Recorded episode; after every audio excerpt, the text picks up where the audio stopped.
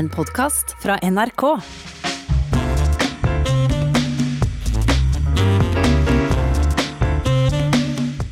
Det siste året så har jo de negative nyhetene flauma over oss som i en stri straum. Hver eneste dag så våkner vi til smittetall og konsekvenser av nedstenging av samfunnet, og tilbakemeldingene på nyhetsstrømmen er nokså entydig. Dårlig nytt påvirker sinnsstemninga vår. Vi er slitne av både situasjonen og alle meldingene om den. Samtidig så freister redaksjoner over hele landet å spe på med gladnytt, så vi ikke skal gå helt i kjelleren. NRK lanserte f.eks. nylig si satsing NRK Lyspunkt, og har fått mye ros for det. Og dette tror jeg det er verdt å reflektere rundt, så velkommen til deg, psykiater og professor i indremedisin Ingvar Wilhelmsen. Jo, takk. Og til deg, Vignis Holmås, journalist og forfatter av boka 'Konstruktiv journalistikk'. Takk for det. Først til deg, Wilhelmsen. Hva gjør alle de negative nyhetene med oss? Det er nå først og fremst opp til oss, tror jeg.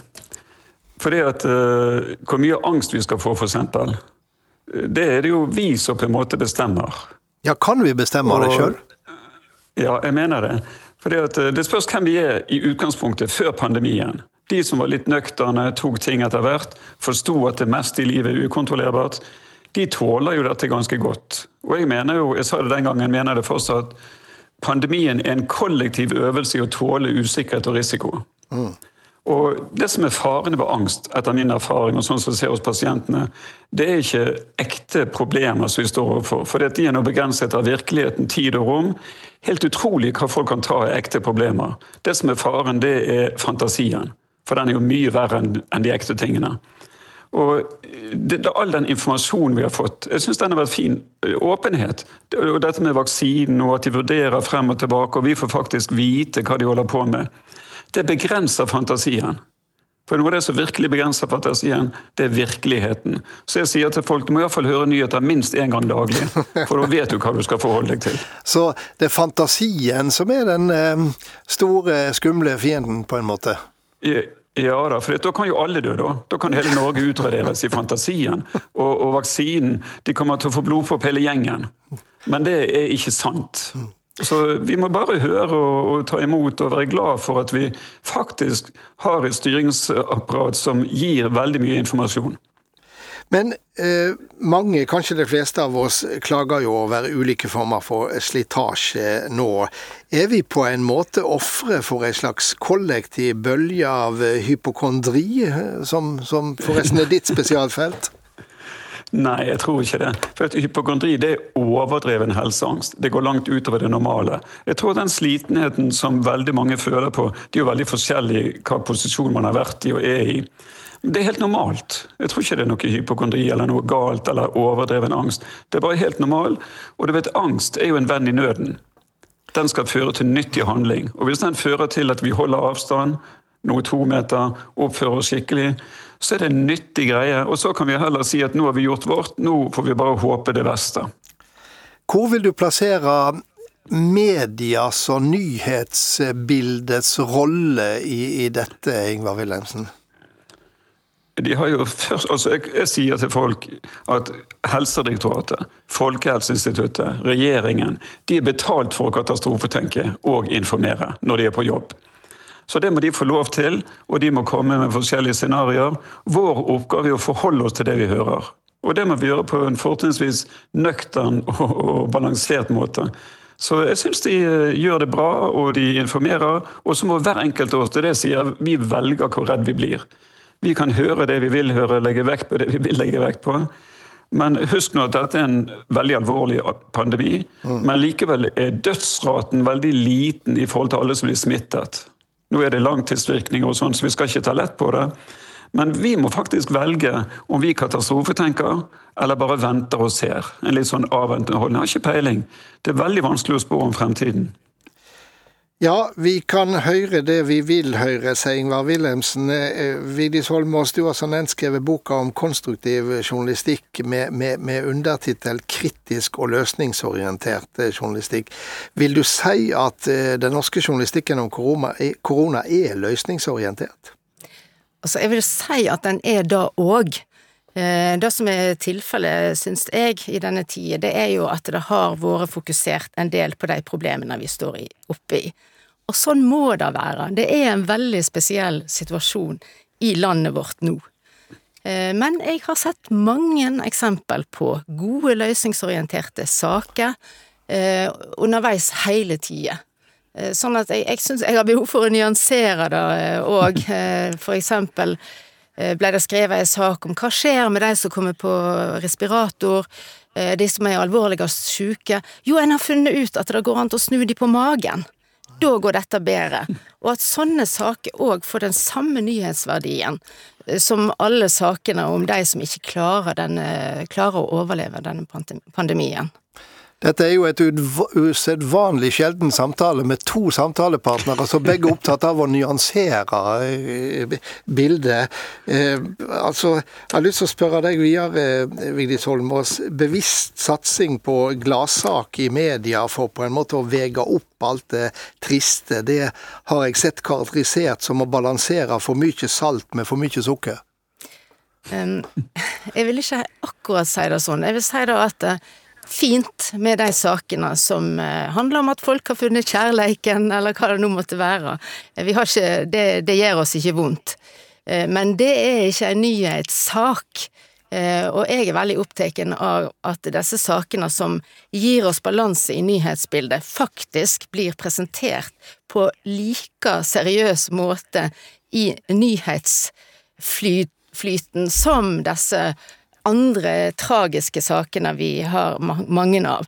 Eh, og jeg er jo jeg tror ikke det er bra å sette dem bort i en krok og sette et lite lys bort i kroken og si der er gladsakene. Dere får litt, dere får en liten dash av det òg. Og så hmm. fortsetter vi med fryktsakene i nyhetsbildet.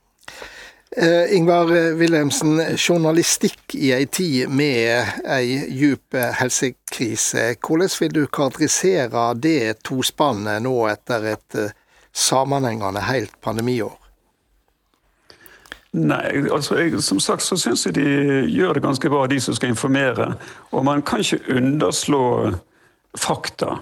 Det er jo det som gjør at man stoler på myndighetene, at de er åpne. Og jeg, jeg tror de fleste, jeg tenker iallfall sånn om nyheter, at det som er nyheter, er ikke hver gang det flyr ikke detter ned. Det kan ikke du lage oppslag om. Det er hver gang det detter ned.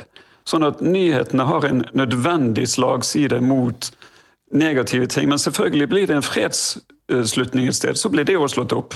Nå er det fred her og der, og de har laget avtaler. Så det må nyanseres. Men jeg tror at nyheter ofte nødvendigvis må få en litt negativ vinkling. Men jeg er jo enig at vi må prøve å balansere, for det jo, har jo gått utrolig bra her i landet, tross alt. Og det kan man gjerne fokusere godt på. At vi har klart oss godt, og vi kan støtte hverandre i at dette må vi bare klare gjennom denne siste fasen. Ja, jeg sitter fremdeles her med Ingvar eh, Wilhelmsen og Vigdis Holmås, og vi snakker om eh, både nyheter i ei tid da de går inn på oss og angår oss. For vanligvis så eh, oppleves vel ikke nyheter fra krise og krig som noe som angår oss direkte i hverdagen. Men denne gang er det annerledes. Eh, fienden i form av et usynlig virus kan liksom angripe oss hver som helst. Eh, Vignis eh, Holmås, det, skaper det spesielle utfordringer for journalistikken? Ja, det gjør det jo. Altså, jeg tenker jo det, det, viktigste er jo for journalistikken å, å vite sin rolle i demokrati. Vi skal informere folk. Vi skal bidra til at eh, beslutninger som blir tatt i samfunnet, blir diskutert.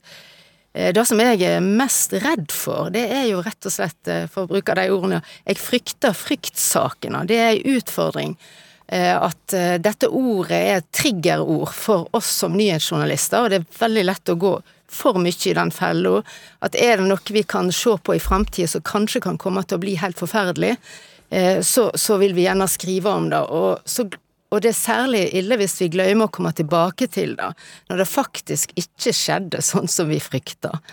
Så um, det er vel kanskje den største utfordringen, men det er jo på en måte i all nyhetsjournalistikk at du er veldig bevisst på å balansere det og ta fram alle sider, og ikke spisse de for mye, sånn at du bare får ett et budskap fram. Eh, folk tåler å, å se en sak fra flere sider, og da tror jeg vi kan bli enda mer bevisste på. Fryktsakene snakker Vigdis Holmås om, og Ingvard Wilhelmsen. Kan en eh, være så sterkt eksponert for uh, alle de skumle nyhetene at vi rett og slett blir syke av det? Jeg tror ikke man blir syk av det. Altså, angst, f.eks. En angstreaksjon. Den aktiverer jo kroppens uh, hormoner, adrenalin først og fremst. Sånn at hvis man virkelig blir skremt, så bør det føre til nyttig handling. Og det er jo derfor vi har den reaksjonen. Den er jo en gudgitt gave, etter min mening. Sånn at uh, den gjør oss ikke syk. Den er faktisk en fin sak. Og det, det å få litt hjertebank og sånn, det er jo en liten treningsøkt. Mm. Men det som er det uheldige, er hvis du ikke skrur av binyren igjen. Hvis du blir gående med denne der angsten kontinuerlig. Det er ikke, det er ikke først og fremst sykdomsfremkallende, men det er trøttende og utrolig enerverende. Går utover søvn og sånn. Så det er om å gjøre å velge en holdning f.eks. til covid-19 som skrur av binyrene. Skal jeg fortelle hvordan jeg forholder meg til det? Ja, gjerne. Det kan kan du gjøre det. At, eh, Jeg er jo 72 år, så jeg er i risikogruppen. Og folk spør meg du Ingvar, er ikke du bekymret og redd for å bli smittet. Og jeg har sagt jeg skulle gjerne vært litt bekymret hvis jeg trodde det hjalp. Det som jeg tror hjelper, det som jeg tror hjelper er som sagt å høre nyhetene, sånn at jeg er oppdatert på hva som skjer i Bergen og i landet. Ellers har jeg tenkt at hvis jeg blir smittet, så vil jeg ha et veldig balansert immunapparat. Ikke, ikke styrket. Jeg går ikke rundt og tar all slags uh, ekstra ting for å styrke det. Nei, det skal være balansert. Og, og søvn er noe av det som virkelig balanserer immunapparatet. Så jeg sover godt, og da kan ikke du ligge og bekymre deg og gruble. Da må du sove. Men... Og så spiser jeg godt, og så trener jeg litt ekstra, faktisk. Jeg har god tid nå for tiden. Og så trener jeg ekstra, for jeg har tenkt hvis jeg blir smittet, skal covid-19 treffe meg i toppform. Og jeg vet, ikke, jeg vet, ikke, om det hjelper, men det skader sikkert ikke. Så var det en som sa ja, men du Ingvar, hvis du ikke blir smittet Jo, men jeg har ikke gjort noe sånn kjempetabbe. Det er sikkert gøy å være i form. Og du vet, folk trente jo før pandemien. Så det er min holdning nå. Så nå er binyrene helt fredelige. Men du, hva vil du si til de som da ikke sover så godt om natta, og som hører på de oppskrift, og som eh, sier til seg sjøl at det hadde vært velsigna å kunne tatt det sånn som han der Wilhelmsen? si, nå må de bli litt bevisst. For de tankene som antagelig holder deg våken, det er tenk om-tanker. Tenk om jeg blir smittet. Tenk om jeg kommer til å dø. Tenk om det aldri går over, osv. Og, hvis, og da kan de heller bruke noen minutter på å identifisere tenk om-tankene. For de er helt normale tanker. Ingenting er veien med dem. Katastrofetanker er normale. Problemet er svaret ligger i fremtiden. Det kan du ikke finne nå. Så da må du altså identifisere de, og de får heller kategoriseres på et sidespor. De kan du ikke dulle med, for hvis svaret ligger i fremtiden, hva skal du gjøre? Og det bør ikke være sånn veldig høy og mørk og positiv og si at dette går bra. Men du kan iallfall nullstille deg og si at du har ikke peiling. Du vet ikke hva som skal skje. Så du får bare følge med og identifisere disse katastrofetankene og møte dem med litt mindre entusiasme. Så får de mindre kraft. Vi har jo snakka om dette at en blir eh, slitne. Eh, ja. Også de som eh, bruker dine teknikker og din bevissthet, ja. Ingvar Wilhelmsen. Mm -hmm. Men vi har jo sett, Vigdis Holmås, at for bare noen få uker siden så var styresmaktene mer optimistiske når det gjaldt eh, vaksinetempoet. Eh, så får vi tilbakeslag der med, med, med bivirkninger, satt på vent, eh, leveransene kommer ikke. Er det noe som på en måte er med på å forsterke den kjensla av slitsomhet og oppgitthet, og, og, og at vi i media nærmest følger dette minutt for minutt? Jeg tenker da at eh, styresmaktene har vært utrolig åpne i vårt land i denne prosessen i dette året. Og de har òg sagt at eh, vi veit ikke sikkert, men ut ifra det vi veit nå, så bestemmer vi oss for å gjøre sånn og sånn. Sånn at de har vært ganske transparente. Og da tror jeg er med på å gi folket en tillit. At en ikke dekker til, men sier at ok, nå er vi optimister. Eh, og da er vi òg optimister litt, fordi de er det. Eh, men når det er grunn til å være forsiktig igjen, eller urolig igjen, så får vi òg vite det. Så den den åpenheten som har vært, og som eh, media har formidla hele tida, syns jeg har vært noe av det mest positive i, i den tida vi har lagt bak oss nå. Og håper det vil fortsette. Ja, det får vi håpe. Og i alle fall sier jeg tusen takk til dere to, eh, psykiater Ingvard Wilhelmsen og journalist og forfatter Vigdis Holmås, for at eh, det kommer å være med på den samtalen. Og så runder jeg av med min faste kommentar. Her er denne vekas Stang inn, stang ut. Det pleier å være vårens vakreste politiske eventyr, men jeg innser at det ikke kan ventes at alle finner dette uttrykket dekkende. For jeg tenker selvsagt på landsmøter som på rekke og rad nå blir halve, før partiene for alvor setter seg i valgkampmodus. Akkurat i disse dager er det Miljøpartiet De Grønne som samles. Om så, så mye annet i denne absurde tida skjer det digitalt. Det er naudsynt, men trist. Ikke fordi det er håpløst å gjennomføre et partilandsmøte på dette viset, men fordi noe av nerven i det blir borte. Alle de små samtalene i korridorer og på hotellrom, all kivinga og intrigeringa, all dragkampen om formuleringer og kampvoteringer, men like viktig, all den menneskelige varmen som et partilandsmøte også kan framelske.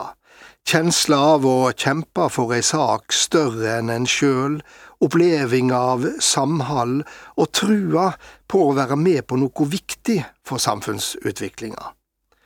På sitt beste er partilandsmøtet en demokratisk verkstad som gjennom gode og gjerne skarpe debatter meisler ut ny politikk.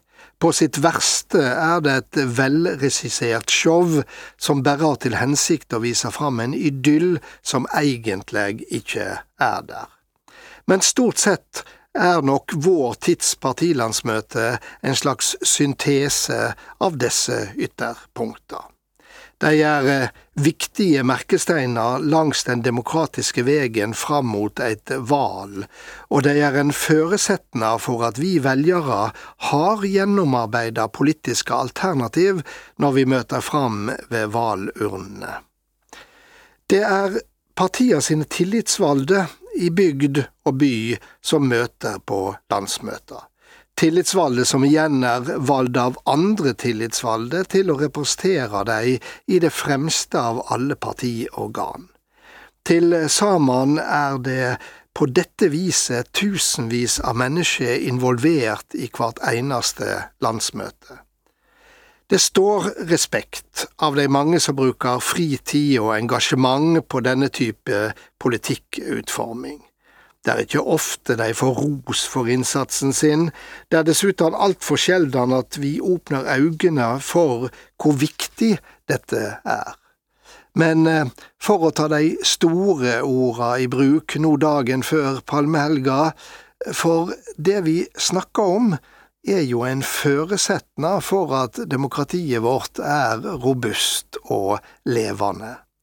Derfor kan vi godt sende en takknemlig tanke til alle de som denne våren skal bruke tida si på et eh, landsmøte og forberedelsene til det. Sjølsagt gjør de en innsats for partiet sitt, men de gjør også en innsats for eh, fellesskapet. God påske.